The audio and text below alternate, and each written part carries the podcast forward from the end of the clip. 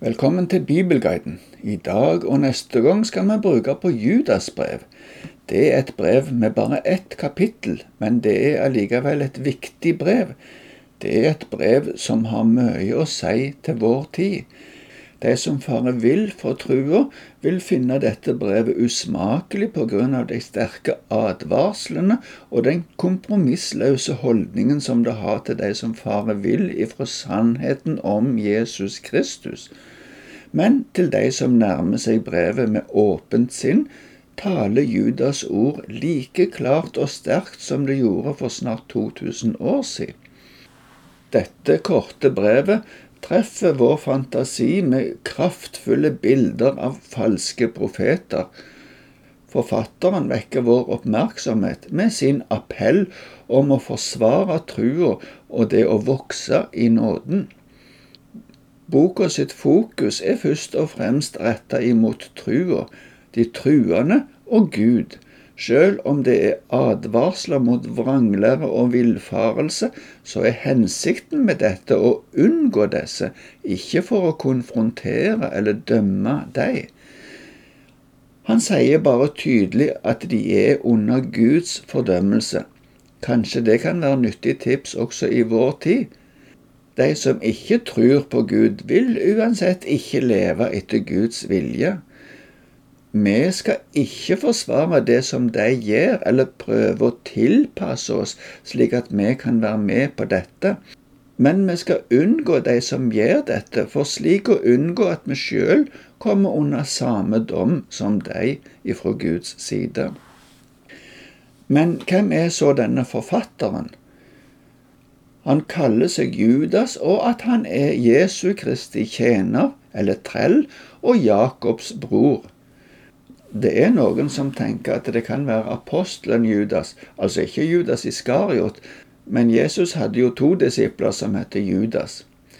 Men vi ser i vers 17 at han omtaler apostlene som ei gruppe der han ikke sjøl er med.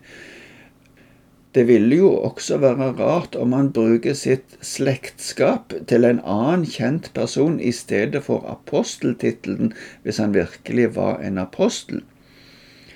Kristi tjener, eller trell, er det mange som bruker, og det ser vi også hos Paulus og Timotius. Både Matteus og Markus har med Jakob og Johannes i ei liste over brødrene til Jesus. De var både Josef og Maria sine sønner, men det vil egentlig si at de var Jesus sine halvsøsken, for Jesus var jo ikke sønn av Josef, for han var Guds sønn. Clemens av Alexandria, som levde mellom 157 og 217 etter Kristus, bekrefter også at Judas var Jesu bror. Brødrene til Jesus trodde ikke på Jesus mens han gikk omkring i Galilea, men de har kommet til tro etter at Jesus døde. Judas var nok et aktivt medlem i menigheten i Jerusalem og godt kjent med Peter. Det er en god del likhetstrekk mellom Peters andre brev og Judas brev. Forskerne diskuterer hvilket av de to brevene som var først. Noen mener at Judas henviser til Peter, mens andre mener at siden Judas er mer presis i språket, så var det han som var først. Men det vet vi ikke sikkert. Uansett er det sannsynlig at det er skrevet før Jerusalems ødeleggelse, for ellers ville det ha vært naturlig at dette hadde blitt tatt med som et eksempel på Guds dom. Paulus nevner i første Korinterbrev kapittel 9 Jesu brødre sammen med Kefas eller Peter som omreisende forkynnere. Den litterære stilen er det som er vanlig i korrespondanse på den tida, det begynner med forfatterens navn og fortsetter med en beskrivelse av mottakerne, med et ønske om at de må ha det bra. På samme måte som de andre nytestamentlige brevene, så rager veltalenheten høyere enn det som er vanlig i kommersielle brev på den tida. I tillegg til å avsløre vranglæra formaner han leserne sine sterkt om å kjempe for trua og på slutten så kom han med en fin velsignelse.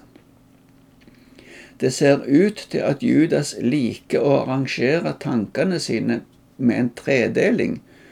Som vi snart skal se, så helser han menigheten med ordet barmhjertighet, fred og kjærlighet. I versene 5-7 så finner vi tre illustrasjoner om synd og dom fra Det gamle testamentet.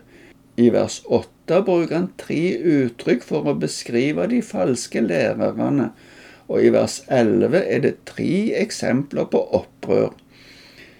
Alt det han skriver, kommer av en sterk oppmuntring til å kjempe for den trua som de har fått overlevert.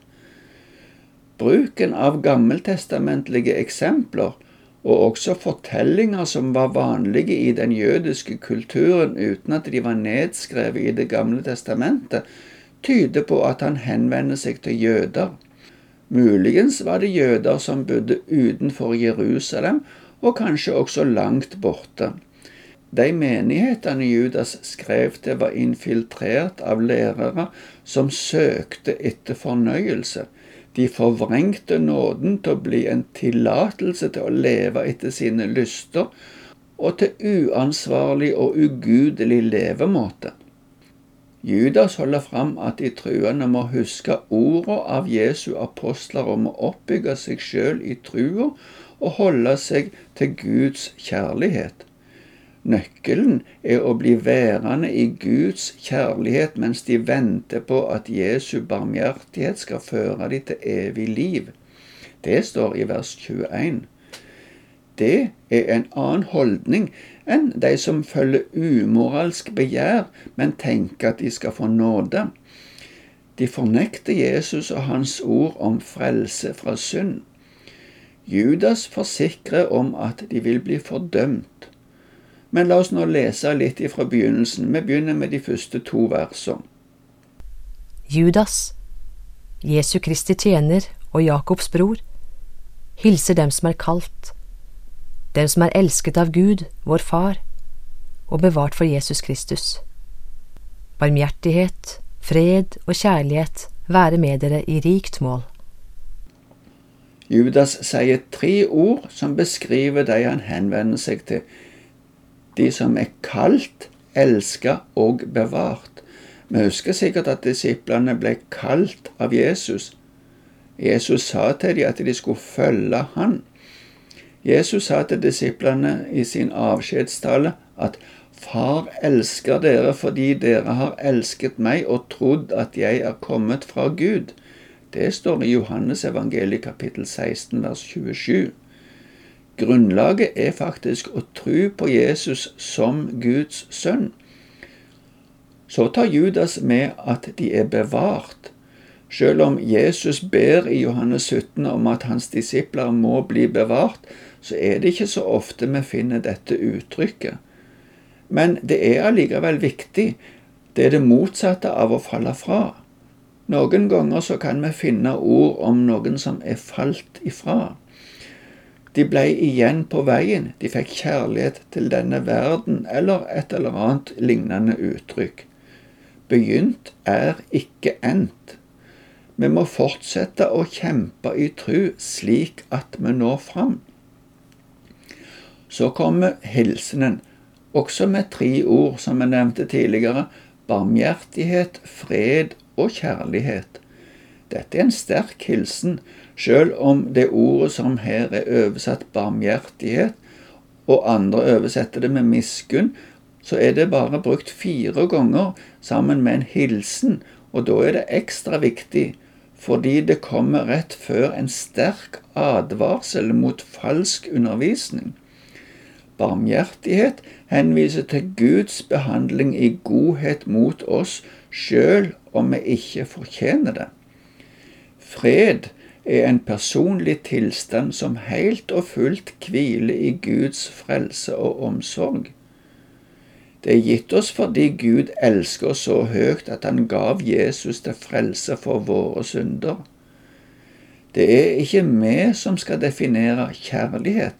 Her er det Guds uendelige kjærlighet til oss på tross av det som vi er i oss sjøl.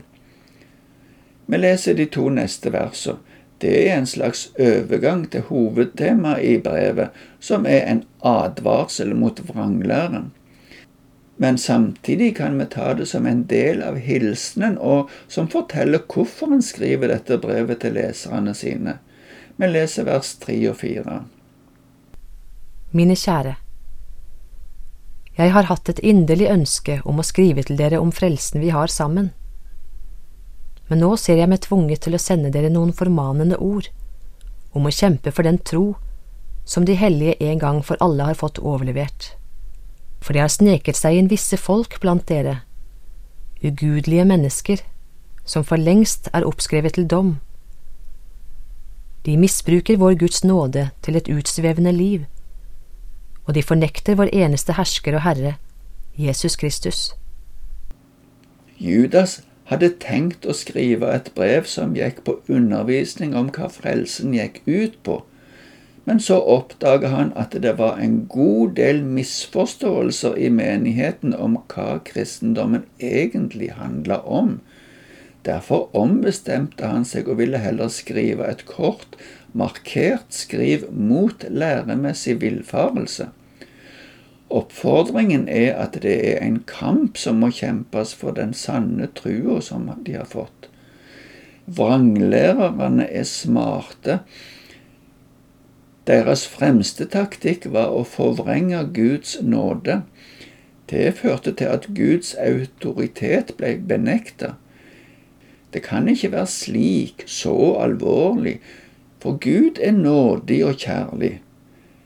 Det fører til at de unnskylder det utsvevende livet sitt, og at de ikke holder Jesus og ordet hans som rett. De vil helst bestemme sjøl hva som skal være rett og galt. Jesus er eneste hersker og herre. La oss følge Han og være lydige mot Hans ord. Neste gang så skal vi se litt mer på hva advarslene ifra Judas handler om det kan være nyttig å lese brevet før vi møtes igjen. Takk for nå, og Herren være med deg.